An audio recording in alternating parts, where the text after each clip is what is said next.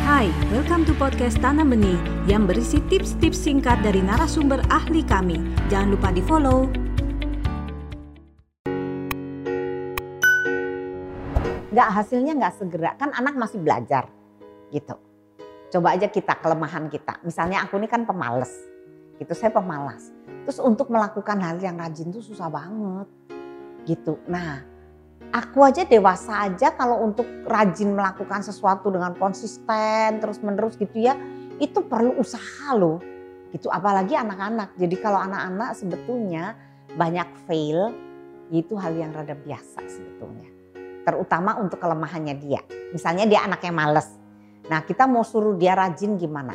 Kalau dia pas rajin kita kasih tuh pujian. Jangan tapi jangan tuntutan. Jadi kita bilang wah Hari ini mama lihat ya kamu terus menerus bekerja loh.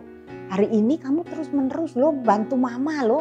Dari tadi nih ya potongin sayur, cuci uh, piring, kamu beresin kamarmu sendiri. Wah mama merasa ya kamu kerajinannya tumbuh nih. Stop. Jangan bilang besok ya rajin begitu lagi ya uh, jangan dong please gitu. Nggak usah. Nggak usah. Nanti besok dia nggak rajin nggak apa-apa. Nanti pas rajin kita ngomong lagi. Nah nanti dia akan lebih sering rajin. Lebih sering rajin. Daripada nggak rajinnya gitu. Kalau ini kan yang pertama kan mungkin impulsif. Yang kedua masih impulsif. Yang ketiga mungkin udah ada kesadaran. Bahwa ternyata jadi rajin itu enak. Jadi rajin itu menyenangkan Nah itu mulai dia akan uh, mulai lebih rajin. Ya mama cuma ngomong aja gitu atau papa cuma ngomong aja. Papa denger dari mama kamu rajin loh hari ini. Apa apa jadi mesti ada alasannya tuh.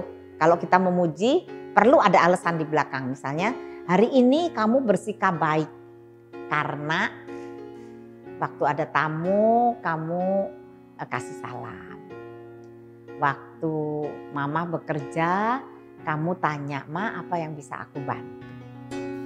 Waktu papa uh, pergi ke kantor, kamu bawain kopernya papa. Nah, hal-hal seperti itu perlu diomongin terutama untuk anak-anak yang lebih kecil. Jadi makin kecil anak, makin perlu anak-anak tahu perilakunya apa. Jadi mama senang karena kamu tidak rewel ketika mama tinggal di box sendirian. Kamu tidak nangis-nangis. Nah itu membantu. Membantu si anak untuk, oh kalau aku nggak nangis-nangis mama senang. Aku juga seneng loh kalau aku bisa bermain sama teman-teman tanpa pukulin temen.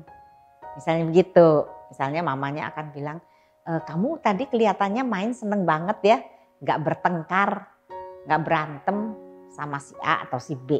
Kelihatannya kamu seneng loh. Nah nanti lain kali dia akan, oh ternyata kalau main nggak berantem itu menyenangkan. Dan dia akan belajar untuk uh, nggak berantem kalau bermain. Anda baru saja mendengarkan tips dari Tanam Benih Foundation. Mari bersama-sama kita terus belajar untuk menjadi orang tua yang lebih baik demi generasi yang lebih baik.